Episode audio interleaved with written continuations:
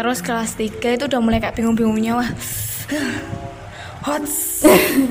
Semuanya yang ada di isi kepala aku tuh kayak ya dosen guru rektor. Ah. Terus tiba-tiba kelas 3 itu pengen jadi dokter dokter. Boom kayak. Tries, cerita cita-cita. Assalamualaikum warahmatullahi wabarakatuh. Halo teman-teman, kita akan masuk ke bahasan yang baru dan ini akan relate banget sama teman-teman. Relate apaan sih? Yang sesuai banget dengan teman-teman, keadaan teman-teman sekarang. Oke. Apa tuh? Bagi pejuang UTB Koi yang dengerin kita, apa kabarnya nih? Belajarnya gimana? Masih semangat atau lagi kendor? Ya semangat lah ya. kan udah hamin dua minggu kayaknya. Emang tanggal berapa sih ujiannya? Ya ini belum ada kepastian resmi ya teman-teman sepertinya dari LTMPT Tapi rencana awalnya itu kemarin dimulai tanggal 5 Kalau nggak salah 5, 5 Juli Ya Terus tuh soalnya kan cuman TPS ya kalau nggak salah. Iya sih cuman Cumannya itu mengandung beberapa Oh, cuman. Cuman ya, Kita cuma bisa ngomong cuman Tapi yang merasakan itu Cuman cuman cuman cuman cuman cuman cuman cuman cuman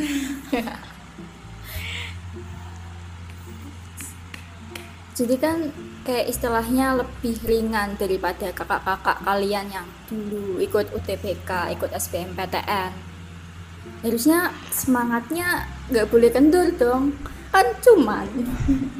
ya beberapa orang sih mikirnya gitu tapi ada juga teman-teman yang mikir kayak karena TPS aja jadi kayak saingannya tuh tambah banyak gitu Iya, itu juga yang aku rasain. Bener Iya. ya, sumpah. Heeh, iya jadi kayak kalau kamu bilang lebih ringan harusnya lebih semangat tuh justru mereka tuh mikirnya karena lebih ringan itu pasti saingannya lebih dari kakak-kakak yang di atas yang kita ya enggak Oh iya, berarti yang tahun-tahun lalu juga ikut ya? Yang gap Iya. year, gap year gitu. Eh, ada yang mungkin salah jurusan termasuknya itu juga ikut lagi loh banyak juga kakak-kakak yang udah salah jurusan atau udah masuk atau gap year tuh banyak yang masuk lagi ikut lagi jadi itu yang bikin teman-teman yang tahun ini mereka jadi merasa kalau saingannya itu banyak banget jadi harus berjuangnya keras banget karena ya tadi saingannya tuh lebih mumpuni lebih Mm-mm. berpengalaman Iya. istilahnya kayak ke dunia kerja itu wah ini kan sih baru dunia perkuliahan belum masuk ke dunia kerja yang lebih Heeh. kejam istilahnya daripada dunia perkuliahan cuma kalau mau nyemangatin diri sendiri itu kita harusnya mikirnya saingannya kita itu bukan orang-orangnya atau sebanyak berapa orangnya tapi nanti lawannya kita itu soalnya itu sendiri kita bisa nggak ngerjain soal itu gitu kan seberapa banyak orangnya. Kalau kita mampu dan nilainya kita tinggi ya masalah. Bisa keterima. Jadi untuk saat ini untuk belajar motivasinya jangan seberapa banyak orangnya. Nanti kita nggak jalan-jalan nggak belajar-belajar kayak jangan ah nggak berani. Iya kayak aku waktu dulu gitu beneran Iya, jadi ya pokoknya untuk saat ini kalian bisa kayak belajar nanti kan lawanku soal bukan orangnya. Ya walaupun mereka lebih mumpuni mungkin karena mereka udah satu tahun atau mungkin mereka udah berbulan-bulan lamanya menyiapkan lebih dari kita. Tapi menurutku juga pasti apa ya kita belajar lama banget kayaknya yang masuk bakal ya akhir-akhir doang ya kayaknya ya. Itu kalau aku sih. Tips belajarnya sebelum tidur. Kata guru biologi gitu tapi ada juga orang yang belajarnya tuh bangun tidur subuh-subuh gitu. Iya kalau menurut penelitian malah eh, lebih itu ya lebih nyantol. Iya karena itu salah satu tokoh yang sangat terkenal di Indonesia juga punya kebiasaan yang seperti itu. Beliau bangun jam sekitar jam 3 jam 2an gitu bangun mandi pagi sholat tahajud langsung belajar. Dan beliau itu orang yang sangat cerdas banget. Siapa Pak Habibie oh sudah kutuk ya sudah kutuk ya iya jadi Pak Habibie itu idola udah ada masya Allah. inspirasi yang jadi istilahnya kayak ada role mode-nya ya? Iya. Uh, tinggal teman-teman tuh enaknya di mana tuh menyesuaikan teman-teman. Jadi bisa juga nih Pak Habibie itu jadi motivasi teman-teman dengan semangatnya. Bisa juga mau yang kalau yang mau kuliah di luar negeri di Jerman iya. Atau di Jepang. Yups. atau di mana? Di mana lagi yang yang youtuber youtuber itu loh? Ah nggak pernah nonton Harvard. Ya? mau di Ayunda iya mau di Ayunda Masya Allah ya. Uh-uh. di Harvard. Yang satu apa sih? Di di apa UK itu apa? Kok UK Inggris. Harvard sama Oxford. Ah, yes. Dulu aku pernah pengen banget ke Oxford. Karena di UK tapi kalau aku belum pernah ada ya kayak mimpi ke yang mungkin karena belum ada gambaran kali ya atau aku tuh lebih ke aku keluar itu pengennya waktu itu belajar ke itu dunia Islam. Jadi kayak pengennya ke luar negeri itu pengen lihat sejarah-sejarah Islam. Tapi kayak makin ke sini ya aku punya motivasi lah ya. Keluar tuh bukan cuma untuk mempelajari sejarah tapi juga belajar untuk ya nanti jurusan kelak gitu tapi untuk yang dulu-dulu tuh pengennya juga ya pengen keluar mungkin ke Mekah atau ke Turki itu sekedar belajar se- sejarah-sejarah yang ada di sana gitu Mesir yep Mesir apa sih namanya Bang? apa Kairo Iya. iya Mm-mm. Mm-mm. Nah coba sih Mila cerita jurus eh, journey pemilih ah, apa sih namanya? Journey of pemilihan jurusan. Iya dari kecil banget ya.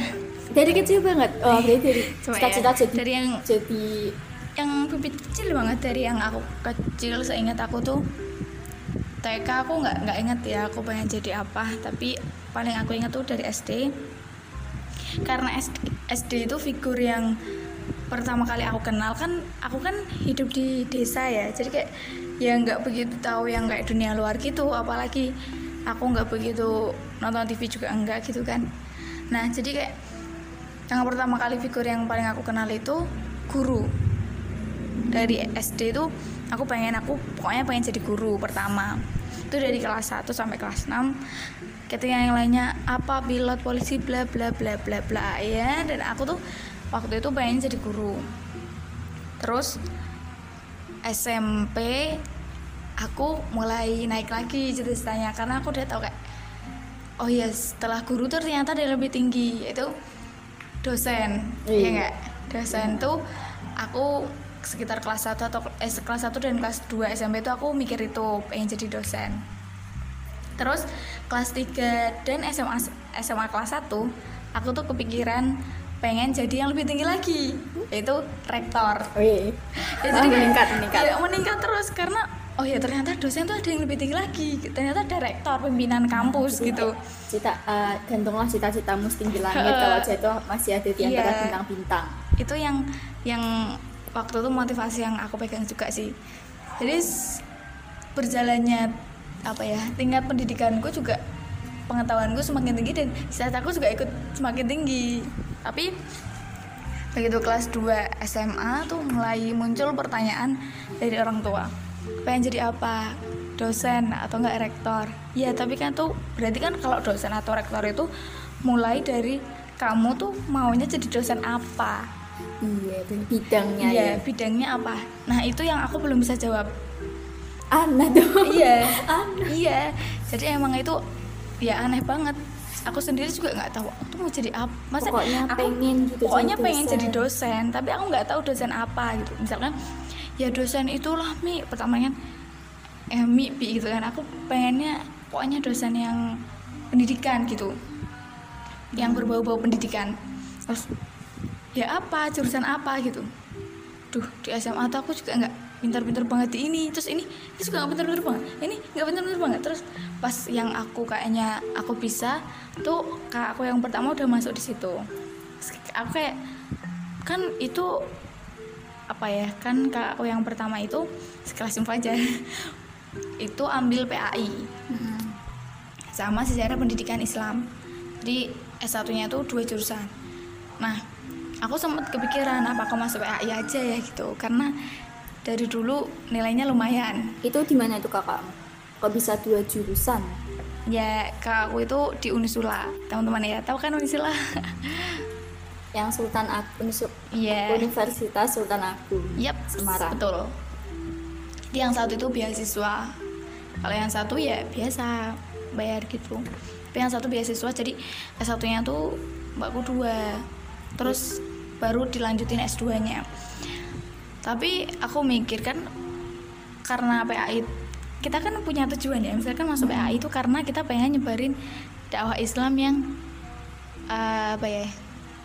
yang ya bukan menurut kita benar sih tapi yang tentunya nggak yang ngecek-ngecek yang yang set apa ya cetek gimana sih? Ilmunya cetek gimana? Ya pokoknya kita tuh pengen jadi orang yang paham betul gitu loh. Ah. jadi kita tuh menyebarkannya juga nggak asal gitu kan. Hmm, sip sip. Terus tapi terus aku mikir menyebarkan agama atau kebaikan tentang agama intinya tentang Islam itu kan nggak harus jadi dosen dulu nggak harus jadi apa tuh guru dulu. Dan kalau aku lihat sendiri sesuai pengalaman ya tiga tahun di SMA guru PA itu kayak justru jarang banget nasihatnya didengerin sama teman-teman menurutku. Kalau aku ngelihat kalau aku eksperimen di teman-teman kelasku. Tapi teman-teman itu akan lebih mendengarkan guru-guru yang mapel umum. Jadi kayak di sela pelajarannya ketika guru ngasih masukan atau motivasi yang itu intinya beliau itu berdakwah di kebaikan itu malah justru teman-teman tuh kayak yang oke kayak yang dengerin habis itu kayak diinget-inget. Justru kalau sama guru agama sendiri teman-teman tuh lebih fokus ke ngerjain soal kayak nggak masuk sama mereka gitu. Iya gitu. Gitu berarti eh, kalau pendidikan agama Islam tuh kayak lebih ke ngajarin tata cara ya. Iya, tapi menurut aku gini, selama aku tiga tahun di SMA itu kayak apa ya? Ya menurutku kayak kadang-kadang itu pelajarannya itu malah justru teman-teman tuh nggak nggak jadi kayak gurunya datang, tapi itu kita tuh ngajar apa ya materi. ah kita iya, hanya iya, iya. habis dalam ngajar materi. pernah tuh dapat guru Nah. yang setiap masuk soal soal soal Iya. soal jadi, Jadi kayak nggak nggak dapat hikmah dari Nah, sebuah pelajaran nah, iya, jadi kayak nggak sesuai. Misalkan tapi kalau guru yang mapel umum, teman-teman lagi capek, misalkan guru tahu kalau habis ulangan dua mapel, tiga mapel. Nah, itu kesempatan gurunya untuk menyampaikan. Oh iya, ini saatnya aku menyampaikan.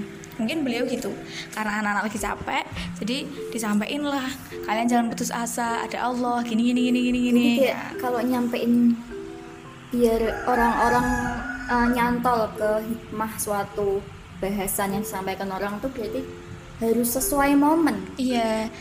Sedangkan kalau guru eh bukan guru, sedangkan pendidikan agama di sekolah kita itu kan ngejar materi, ngejar kurikulum eh ngejar paket yang ditentukan sama kurikulum. Jadi kayak ya kebut-kebutan aja gitu, asal asal materi selesai, tugas nilai bagus, selesai.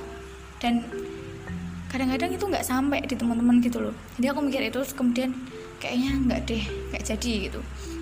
Terus nggak efektif itu menurutku menurutku ya itu waktunya yang ditambah dan materinya yang disesuaikan jadi nggak sekarang diinget-inget. Tiga tahun selama di SMA pasti materinya apa? Belajar jujur atau enggak? Disiplin dalam mengerjakan tugas bergotong royong. Itu hampir tiga tahun tuh ada semua. Dan itu sebenarnya materi itu kayak kalau buat anak SMA itu udah di luar kepala. Iya, eh, jadi gini kesimpulannya aku dapat sih guru-guru umum itu haruslah yang paham agama. ya Iya kan? bisa jadi gitu Jadi kayak semua guru tuh harusnya adalah Iya. guru pendidikan agama Islam Iya. yang mengajar pada satu jurusan masing-masing, eh satu Iya. bidang gitu loh. dan nanti lebih detailnya itu baru disampaikan oleh guru PAI Ada kok orang-orang di luar sana yang profesinya bukan dalam keagamaan tapi mereka juga menyampaikan kebaikan, menyampaikan Islam, berdakwah. Itu kayak nggak harus jadi guru agama dulu untuk menyampaikan kebaikan tuh ya ini lanjut gak sampai mana? Oke, sampai aku kelas yang aku nggak jadi jadi rektor atau dosen itu ya. Terus kelas 3 itu udah mulai kayak bingung-bingungnya wah. Hot. Semuanya yang ada di isi kepala aku tuh kayak ya Allah, dosen guru, rektor ah. Terus tiba-tiba aku kelas 3 itu pengen jadi dokter. Dokter. Huh, boom kayak itu tuh pendidikan dan dokter itu adalah kesehatan dan pendidikan. Ya Allah ini tidak bisa bersatu. Terus habis itu kenapa alasanku pengen jadi dokter waktu itu? Karena waktu itu pernah aku ngobrol-ngobrol sama Abi sama Umi. Waktu itu kita lagi ngomongin Palestina Masya Allah kayak dengerin dulu podcastnya kita yang tentang Palestina iya. Jadi episode sama sebelumnya. nah itu ya kalian tahu sendirilah keadaan Palestina yang kayak gimana. Terus jadi kayak waktu itu Abi pernah bilang kalau kita nggak bisa bantu secara langsung ya setidaknya kita bantu doa. Terus apalagi kalau kamu bisa jadi dokter bisa ke sana bisa bantu secara langsung. Gitu jadi kayak aku kayak "Dek, ya juga sih gitu. Aku pengen jadi dokter dari pengen jadi dokter terus aku pernah ya Allah kalau aku sampai keterima di kedokteran aku bakal kalau bisa ya mungkin kan aku nggak nggak belum paham ya kalau transport ke sananya tuh dibatasi atau enggak atau dipersulit apa enggak tapi aku pernah bilang pokoknya kalau aku keterima di kedokteran aku pengen nanti ke Palestina aku pengen bantu mereka gitu. Menemukan alasan yang kuat gitu. Iya, dan jadi- ketemu nih way-nya buat jadi dokter ya itu udah udah tak pegang selama ini. Cuma kayak berjalan berjalannya waktu kan itu kan aku nemu nemu alasan dan nemu cita-cita itu kan kelas 3 ya. Kayak menurutku baru. tuh kayak It's a new. telat banget gak sih? Iya ya nggak telat tapi kayak nilai-nilai yang udah lalu-lalu tuh udah telanjur masuk dan itu nilainya tuh nggak nggak sebagus yang harusnya kriteria masuk kedokteran. Dan aku kelas 1 kelas 2 itu masih aktif di organisasi. Jadi nilainya ya jangan ditanya.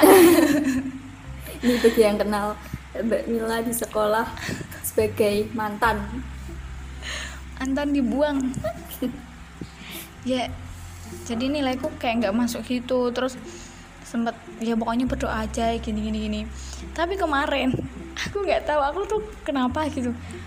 Waktu SNMPTN Hmm. kan berarti kan itu harusnya kesempatan aku ya. Tapi waktu itu wah diskusi sampai nggak tahu jam malam wes pokoknya diskusi sama Abi. Intinya tuh jadi nggak masuk kedokteran gitu ambil di SNMPTN karena dengan segala pertimbangan dan nilaiku yang seperti itu akhirnya kayaknya nggak mungkin deh ini kalau masuk kedokteran gitu. Ah, tidak rasional berarti ya. Iya karena sekarang aja kedokteran itu hanya menerima berapa orang. Sedangkan saingannya tuh banyak banget. Dan itu nggak nggak cuma Pulau Jawa. Dan nilaiku itu nggak ya nggak itu aja nggak rasional aja untuk masuk ke situ gitu. Sampai akhirnya oke lah banting setir tapi ya nggak jauh-jauh banget sih. Aku ambil KSMAS dan ambil pendidikan biologi. Itu dua pilihan yang awal kan seperti yang pertama. Aku mau pendidikan atau kesehatan. Iya. sama di situ. Di SNMPTN itu aku ambil kayak gitu juga.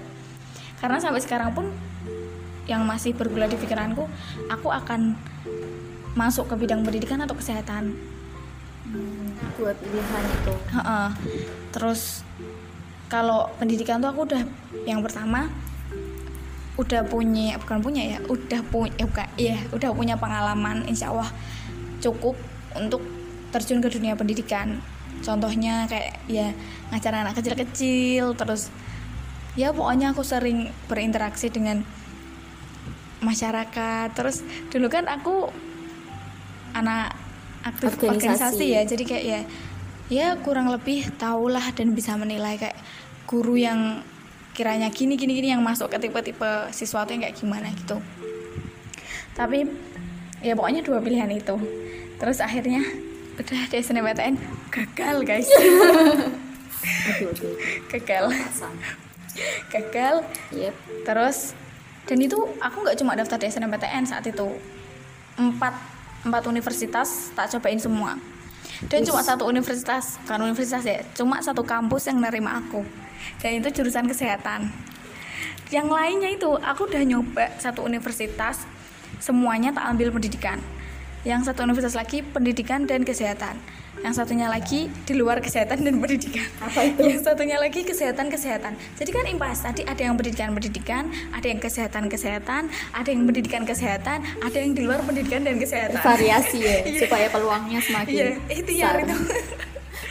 Tapi yang keterima di kesehatan. Dan itu sempat kayak bingung gimana gimana gimana. Akhirnya diambil dengan tentunya aku memperbarui tujuan lagi. Aku ketika tahu keterima di situ aku mulai menyusun kayak oke tujuanku ke depan harusnya gini karena aku ada di jurusan ini.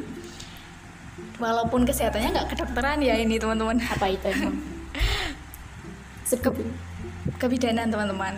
Ya mungkin buat orang-orang yang sekarang tuh masih kayak apa sih kebidanan sekarang tuh udah nggak ada peluangnya? Gini gini gini gini gitu aku sering banget dengar kayak gitu. Loh kok masuk kebidanan? Kenapa nggak perawatan? Loh kok masuk Iya, ini? iya. loh kok masuk ini? Nah karena Kok masuk- keperawatan tadi aku jadi ingat temanku yang kuliah di jurusan keperawatan. Jadi dia itu kayak pernah punya pengalaman.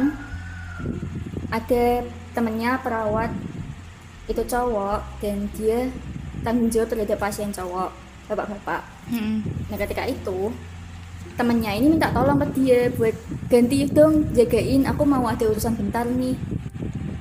Ini kan itu bapak-bapak ya? Iya. Cowok dan dia itu eh, orangnya ya alhamdulillah syari. Jadi kayak kalau sentuhan dengan non mahram tuh kayak gimana gitu. Kayak nggak biasa gitu ya? Kayak biasa kayak tapi harus tetap dilakuin. Dan Iya karena profesinya dia ya? Hmm, dan dia cerita itu ke guru ke Teman. Oh. Hmm, cerita ke teman-teman jadi kan kalau cerita berarti itu sebuah kegundahan loh iya terus teman kita dari teman-teman ngasih sa Eh, eh, kayak ada kesimpulan gitu perawat tuh sekarang kebanyakan perempuan dan dokter kebanyakan cowok Mm-mm. Loh. padahal ada pasien-pasien cewek terutama di bidang tadi kebidanan tadi. Iya betul. Tapi dokternya tuh cowok. Iya Jadi malah kan sekarang kayak- kebanyakan gitu. Aneh gitu loh Heeh. dokternya cowok jadi tapi kayak nantinya melahirkan. Iya jadi nanti kayak terpaksa kayak malah sekarang dokter profesional profesional spesialis spesialisnya tuh malah cowok, cowok. Ya bener kayak tab sesuatu yang tabu gitu. Iya, kayak heeh. kalau kita jadi pasiennya tuh kayak, kayak gimana gitu jadi kayak terpaksa saya pengen pengen nyari tapi kalau ya emang nggak ada jadi kayak ya itu sebenarnya peluang teman-teman gitu untuk masuk ke situ. Cuma iya. Ya gitu ya gitu ya teman-teman. Jadi kalau teman-teman yang pengen jadi perawat para cowok-cowok ayo jadi perawat. Iya. para putri-putri jadi dokter. Iya. kalau nilainya Untuk- masuk dan uangnya masuk. untuk menyeimbangi itu karena Iya. kebanyakan malah kebalik sekarang. Nggak kebalik sih tidak seimbang gitu loh antara di bidang kesehatan antara pria dan wanita tuh nggak seimbang. Ya terus ya lanjut ya teman-teman. Jadi apa? Tadi sampai apa? Di kebidanan terus karena kebidanan juga menang- menangani perempuan dari balita bayi sampai ya tua lansia itulah. Jadi kayak oke aku juga perempuan dan aku mulai menyusun. Pokoknya kalau emang ini takdirku dari Allah ya dari sekarang aku harus menyusun tujuan aku ke depan lagi bukan lagi kedokteran yang harus ke Palestina. Tapi ya siapa tahu nanti mungkin dengan kebidanan ini aku bisa mencapai tujuanku yang tadi. Yang harusnya aku di kedokteran pengen ke Palestina siapa tahu aku di kebidanan bisa juga terbang ke Palestina untuk bantu orang-orang Palestina. Cuma usahain ya itu mah bukan siapa tahu. Harus. Amin. Insya Allah ya Allah. Doain teman-teman. Kuatin Mila ya mau ke Palestina mau dapat pahala yang banyak butuh.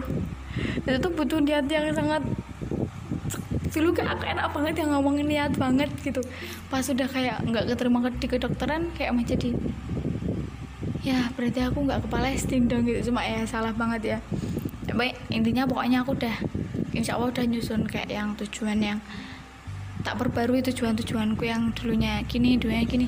Malahan yang aku udah pernah tempel-tempel di tembok tuh universitas-universitas yang tak Aku tempel-tempel di lihat tembok IPB. itu enggak Terus apa lagi? UGM. Universitas ITB. Wah, itu universitas-universitas yang ternama banget. Dan Yang itu nggak masuk di peringkat semua. tinggi di dunia juga. Kalau aku cerita nggak nih? Itu belum cerita. Iya, iya terakhir ya intinya pas itu aku pernah nempelin undip di dinding dan aku lagi nyoba Oh iya. tapi nggak begitu aku Kodarullah. utamain Kodarullahnya emang tidak di situ tempatnya. Cuma enggak belum tahu aku lagi juga ikut UTBK nih Loh gimana sih? tapi aku nggak begitu kayak yang maksudnya kayak yang teman-teman yang mungkin berusahanya lebih keras. Tapi aku udah kayak ya udah ini kayak tujuan aku, aku udah masuk di kebidanan dan aku udah punya tujuan tapi aku punya ikhtiar lain untuk masuk ke dokteran lagi. Aku mau bener-bener berusaha sampai yang bener-bener nggak keterima. Oh, jadi mencoba peluang-peluang yang masih ada. iya gitu teman-teman harapan di dalam. tapi aku juga enggak langsung meninggalkan kebidanan enggak bukan yang langsung aku kan salah jurusan tinggal aja enggak gitu tapi mencoba sampai yang bener-bener weng kamu gagal gitu udah sekarang udah mah Ini Mila panjang banget sih ceritanya sampai ke 30 menit loh. Parah. Itu ceritanya dikit aja ya. Iya. Karena kan? Kalau- sorry. Enggak apa-apa. teman-teman maafin Mila ya. Ceritanya kepanjangan. Jadi ceritanya Rohmah kepotong deh.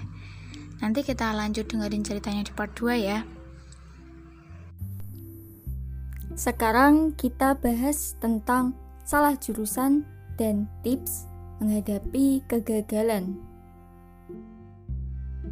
Wah, panjang banget ceritanya Mila. Dari TK loh sampai sekarang dan dengan mm, cerita-cerita yang ada hikmah-hikmahnya juga alhamdulillah. Ngingetin juga sama saudara-saudara di Palestina, masya Allah. Yap. Mulia sekali niatnya, alhamdulillah. Sih teman-teman harusnya juga punya suatu niat yang mulia gitu. semoga istiqomah niatnya Amin. Aminin bareng-bareng. amin Nah dari ceritanya Mila ini kita dapat sesuatu nih. ya Kan dia awalnya pengen jadi dokter. Dan ternyata keterimanya di kebidanan. iya bener jadi kayak Istilahnya salah jurusan gitu Iya, ya. kalau menurut aku, kalau pandangannya aku gitu loh. Kayak misalnya aku pengen jadi dokter terus mah jadi kebidanan kan berarti kayak salah jurusan. Nih, pandangan Nggak waktu itu ya. Iya, pandangan waktu itu kayak kan ini bukan jurusan yang aku inginkan sebenarnya gitu. Tapi di balik itu harusnya tapi di balik itu ada sesuatu yang kita tuh harus tahu gitu. Nggak mentang-mentang kita salah jurusan terus kayak ya udah tinggalin aja gitu kayak bye Kayak bye gitu nggak niat gitu ngejalanin Iya. jurusannya. iya kayak nggak niat terus kadang-kadang malah mereka lari cari yang yang pokoknya yang baru karena baru itu belum tentu akan sesuai dengan apa ya jurusan yang kita inginkan Belum tentu baik Iya. karena uh, yang kita cintai belum tentu baik buat kita dan yang Iya. kita tidak suka bukan belum tentu nggak baik buat kita. Iya, benar tuh. Kembali lagi kan salah jurusan ya menurutnya aku awalnya itu. Tapi setelah aku pikir-pikir, jadi kan tadi di awal aku cerita kalau aku tuh sebenarnya punya apa ya kayak passion bukan passion ya kayak lebih berpengalaman di bidang pendidikan. Maksudnya kalau masuk di situ kayak udah kayak gak ada tantangannya gitu loh menurut aku kayak Sudah menguasai Iya. skillku tuh public speaking. gitu terus ya walaupun nggak baik-baik banget nggak nggak buruk-buruk banget terus apa ya kayak pokoknya tuh udah beberapa langkah aku tuh masuk ke ke pendidikan tuh kayaknya udah ya gitu-gitu nah di passion aku bukan passion ya Passion? di, iya passion ya bener Passion. ya, Biasanya passion. di passion aku yang harusnya masuk ke pendidikan dan ternyata aku salah malah masuknya ke bidanan awalnya aku berpikir tapi setelah aku pikir-pikir itu kan di kebidanan itu bukan cuma yang sekedar bantu ngelahirin kayak audio Ngurusin bantu ngelahirin gitu atau ngurusin ngurusin anak anak. nangis ah, kan enggak ya jadi pas itu aku juga berpikir pas aku cari-cari tahu tentang kebidanan oh ternyata di dalam kebidanan itu nanti akan dibagi-bagi. Ada salah satunya itu konsultan. Nah itu biasanya lebih penting banget public speaking.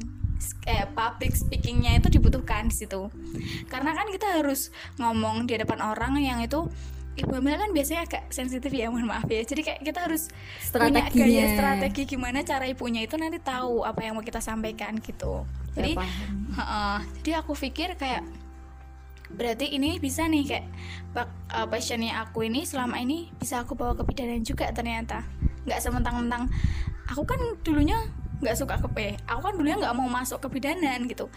Tapi karena aku punya passion di pendidikan bisa juga aku bawa ke kebidanan nanti masuknya ke konsultan yang tentunya butuh public speaking. Hmm, jadi Tuh. itu kayak hmm, istilahnya karir kapital. Iya. Sip.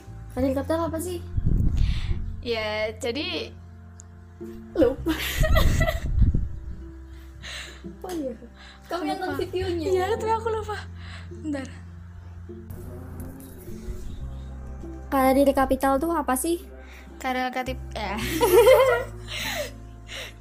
ya, itulah pokoknya itu tuh. Jadi kita tuh menawarkan pekerjaan yang luar biasa. Jadi kayak kita tuh harus punya yang unggul banget gitu loh. Luar biasa di antara dari yang lainnya gitu loh. Jadi ya yang wah banget gitu. kayak gimana tuh Nah, itu tuh bisa kayak gimana nya? Kita bisa lihat dari tiga aspek. Yang pertama itu mengandung sisi kekreativitasan. Yang kedua, bertambah dan yang ketiga itu kontrol, mengandung kontrol. Jadi, kalau kita pengen ngedapetin karir kapital yang tadi disampaikan, itu yang pertama kita harus punya kreativitas. Kreativitas dalam misalkan kita kan tadi kan salah jurusan ya dengan salah jurusan itu kita harus punya kreativitas gimana caranya memaksimalkan iya jadi kayak apa ya anti mainstream gitu ya biasanya kayak enggak eh kok anti mainstream sih? Eh mulai jadi bahasanya tuh kayak kita itu luar biasa gitu loh dari yang lainnya beda dari yang lainnya. Oh kayak hari- iya bener tadi maksimal kan Iya. dalam dalam bidang tersebut Heeh. lebih kreatif daripada teman-teman yang lain Iya betul. Terus yang kedua itu berdampak, ya kan? Jadi kayak kita tuh punya dampak bagi orang lain gitu loh. manfaat Heeh. sebaik-baik manusia adalah yang bermanfaat bagi yang lainnya Yang ketiga itu punya kontrol. Jadi kita bisa mengontrol kayak kita tuh harus profesional gitu loh. Kayak menempatkan. kayak jadi bos gitu kan Iya, jadi ya itu kan yang kalau udah tinggi banget, ya kan? Mm-mm. Jadi kalau dari dasar dulu kita bisa ngontrol emosi kita dulu yang Ah, pertama gitu. menjadi bos bagi emosi sendiri Iya. misal punya uh, proyek kecil kita menjadi bos bagi diri kasih menjadi bos bagi kita Menjadi bos bagi diri kita sendiri. untuk menyelesaikan amanah proyek Mm-mm, tersebut walaupun proyek tersebut kecil Iya, ya supaya kita mendapatkan karir tadi. karir kapital Sip.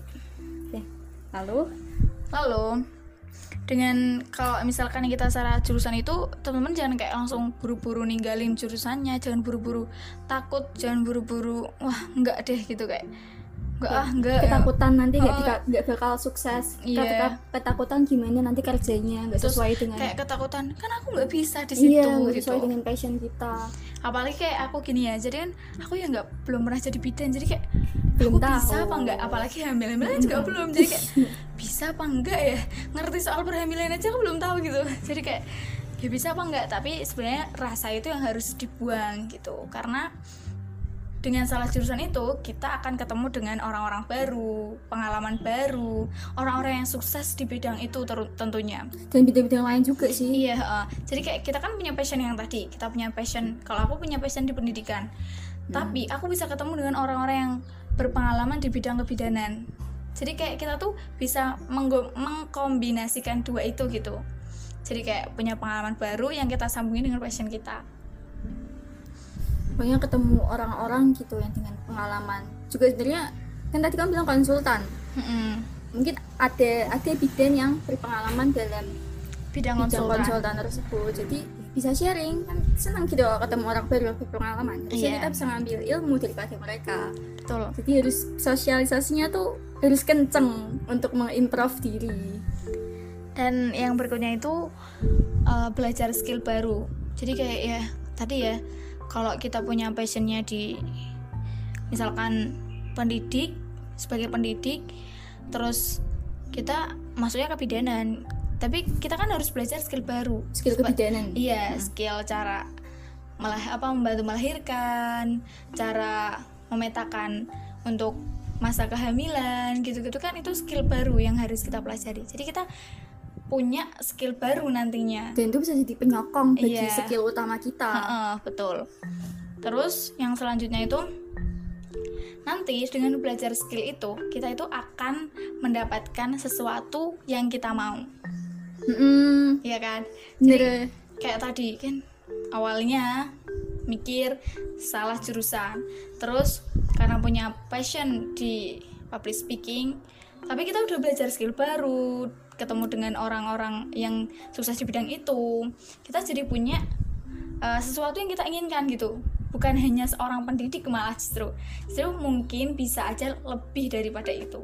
Karena kita tekun dan kita nggak cuma punya satu kan. Jadi kita punya dua skill bahkan bisa lebih karena kan orang yang kita ketemu itu nggak cuma dalam lingkup itu juga. Iya. Kalau kita berani main keluar dari lingkup itu Ha-ha. dari bidang kita ya kita bisa lebih ketemu sama orang-orang yang lebih berpengalaman dan bidangnya tuh lebih luas dan bisa ngasih dampak ke masyarakat. Iya. Ka- balik lagi ke karir kapital tadi. Iya kita betul.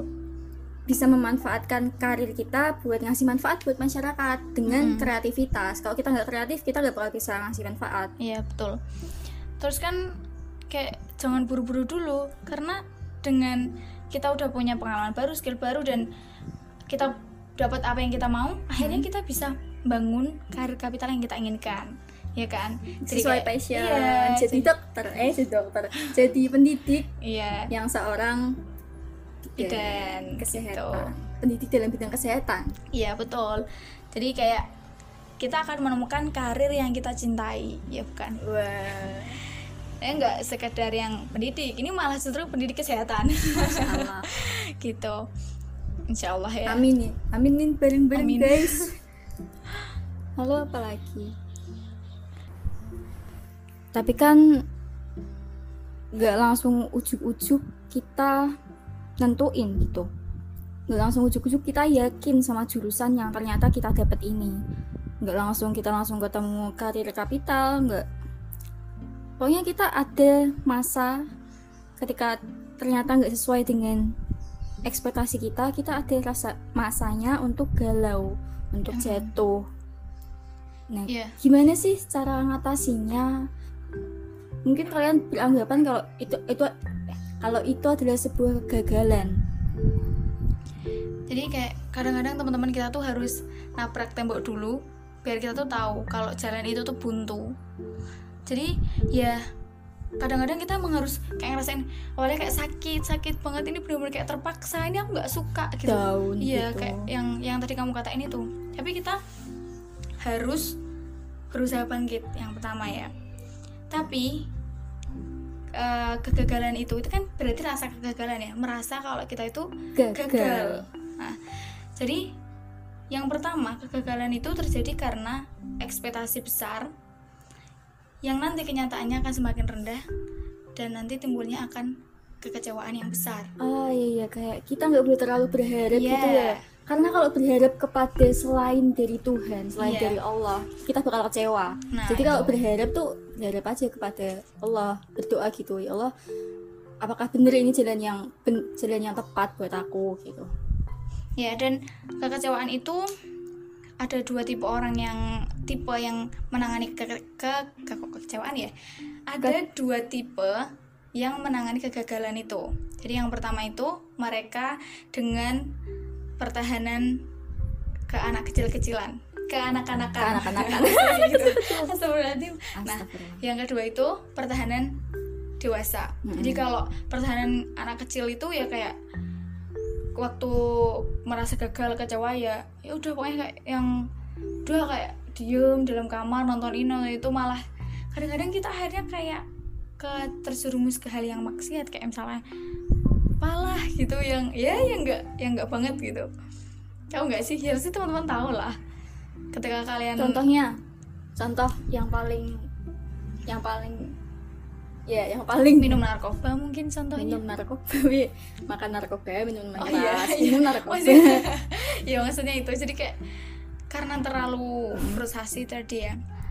Cari pentak cari pelarian gitu ya istilahnya. Ah, iya. Jadi kayak ya ke anak-anak gitu. Kayak ya dia kayak marah. Tapi tuh marahnya tuh kayak ya apa ya istilahnya? Anak kecil kan kalau marah ya nggak nggak mau tahu. Pokoknya marah dia marah gitu. Nggak ngerti sampai dia tuh nggak ngerti apa yang dia lakuin gitu loh. Kayak Hmm. kelewatan batas gitu loh. Iya kan anak kecil kan belum paham iya. Jadi kalau teman-teman pernah ada dalam posisi itu itu salah sih. Kalau mungkin ntar kalian merasa gagal nggak boleh kalian kayak gitu. Mm-mm. kamu bisa lost lost control. Nggak punya kontrol terhadap hidupmu lagi. Padahal kan hidup ini berjalan terus. Kalau kalian terus berada di pelarian eh sia-sia waktumu. Benar terus tipe yang kedua?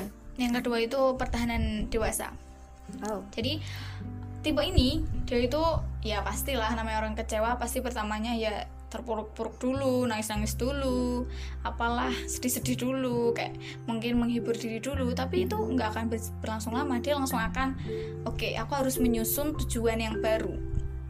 Aku harus mengatur cara gimana caranya yang ada depanku itu bisa jadi goals yang bagus bisa jadi hal yang istimewa bukan lagi dipandang di sisi yang buruk terus.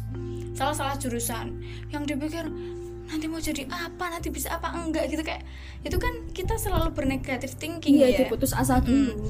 Jadi kita kalau pakai pertahanan dewasa ini langsung kayak oke kita pikir positif eh, pikir dari sisi positifnya siapa tahu nanti aku bisa jadi ini siapa tahu aku bisa jadi ini. Setiap kejadian ada hikmahnya Iya, gitu ya. betul.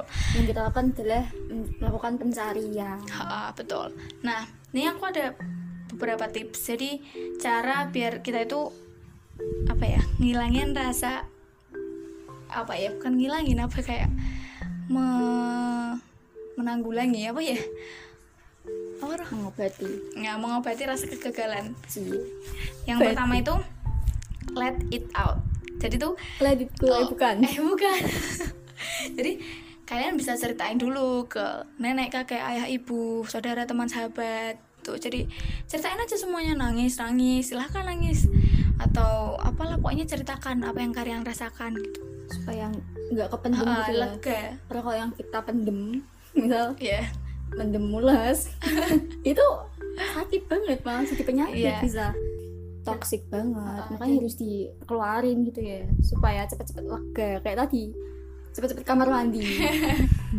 Kamar mandi mulu kan.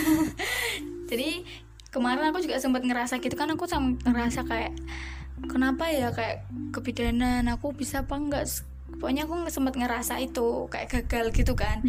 Terus aku ya cerita ke kakak ke orang tua pokoknya semuanya cerita dan aku kumpulin apa ya saran-saran dari mereka gitu. Dan itu kayak nasihatnya mereka uh, kita bermanfaat banget buat aku. Jadi kayak bangkit lagi cari aja kita ambil aja kayak nasihat-nasihat yang baik buat kita. Terus yang kedua itu belajar menerima. Nah ini penting.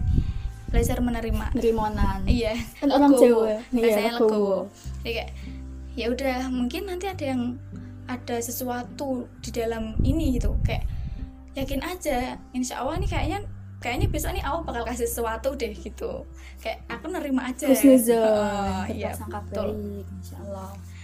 Dan nerima itu sebenarnya bukan hanya kayak nerima ya. Jadi kayak kita tuh selama menerima itu kita jadi juga introspeksi introspeksi diri. Jadi kita kayak bisa oh ya mungkin kayak pokoknya kita introspeksi diri gitu loh. Intinya gitulah teman-teman nanti coba deh belajar menerima. Nanti kan kalian juga tahu rasanya kayak gimana. Iya. Terus yang ketiga itu jangan ambil hati. Jangan jangan ambil hati. Maksudnya kayak kita itu hid- ngerasanya hidup tuh kayak di film-film gitu gak sih? Maksudnya ya enggak maksudnya tuh di film tuh bukan yang dramatis maksudnya di film itu kan masih ada sutradaranya kan. Hmm. ada kayak yang mengatur cerita mengatur jalan cerita. Seperti hidup kita kita kan kayak diatur sama Allah ya. Jadi kayak ya kadang-kadang dalam dunia dinamika itu hidup itu ada yang namanya naik kadang turun kadang harus jatuh kadang harus bangkit. Nah itu itu kan kayak dinamika kehidupan. Jadi ya udah jangan terlalu yang kayak terpuruk terpuruk terus. Nanti pasti ada saatnya kita akan bangkit. Kita pasti ada saatnya kita tinggi. Maksudnya jangan yang udah ini udah nggak sesuai. Mending aku mati Iya, aja. nggak boleh kata-kata itu tuh nggak boleh dikeluarin dari mulut terutama seorang muslim. Meminta kematian buat dicepatkan. Astagfirullah. Nggak boleh. Kematian itu pasti akan datang kok. Udah kamu enjoy aja ngejalanin hidup sesuai yang di- dituliskan ya ya tadi itu kan kayak yang dituliskan itu kan berarti kayak kita tuh masuk ke skenario. Iya. Terus yang terakhir teman-teman ambil hikmahnya. Itu yang paling akhir ya. Di mungkin aku keterima di kebidanan karena pendidikan itu eh, apa ada sesuatu yang kurang cocok buat aku atau gimana atau kadang aku kurang kontrol emosi atau gimana gitu mungkin. atau malah di bidang kebidanan yang nanti bakal kamu masukin di misal instansi ternyata kekurangan orang-orang yang pandai untuk Konsul- menyampaikan. Ya mungkin gitu juga ya. Ya mungkin itu salah satu hikmahnya. Buat Kunti eh buat Mila. Aduh salah. Ya itu aja sih teman-teman. Kayaknya itu udah cukup manjur ya manjur. Udah cukup apa ya ngenalah kalau kalian lagi merasa gagal. Yang pertama ingat ceritain aja keluarin aja dulu. Belajar menerima ambil hik jangan diambil hati dan ambil hikmahnya. Karena teman-teman pencarian makna itu butuh waktu. Jadi temuin tujuan baru cari pengalaman baru. Supaya kalian menemukan tujuan yang oh iya tuh. This is my way. Iya. This is for me dan teman-teman perlu tahu kegagalan itu bukan akhir dari segalanya. Siap. Terus cari hikmahnya. Pasti di setiap kejadian yang kita alami itu pasti memiliki hikmahnya. Kita harus apa ya positive thinking husnudon selalu ya. Oke segitu panjangnya ceritanya aku. Masya Allah.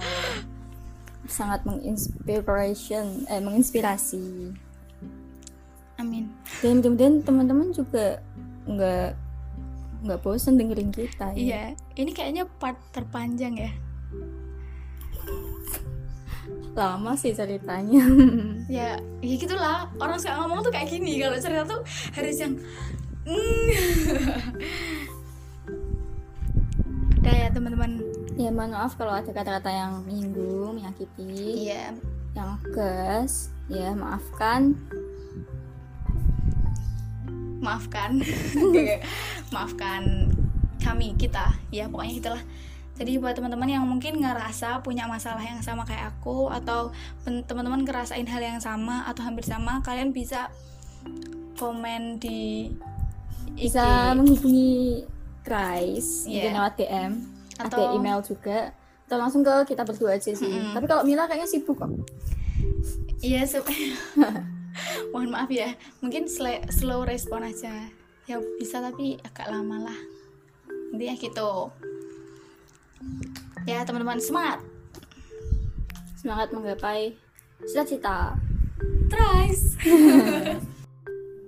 wassalamualaikum warahmatullahi wabarakatuh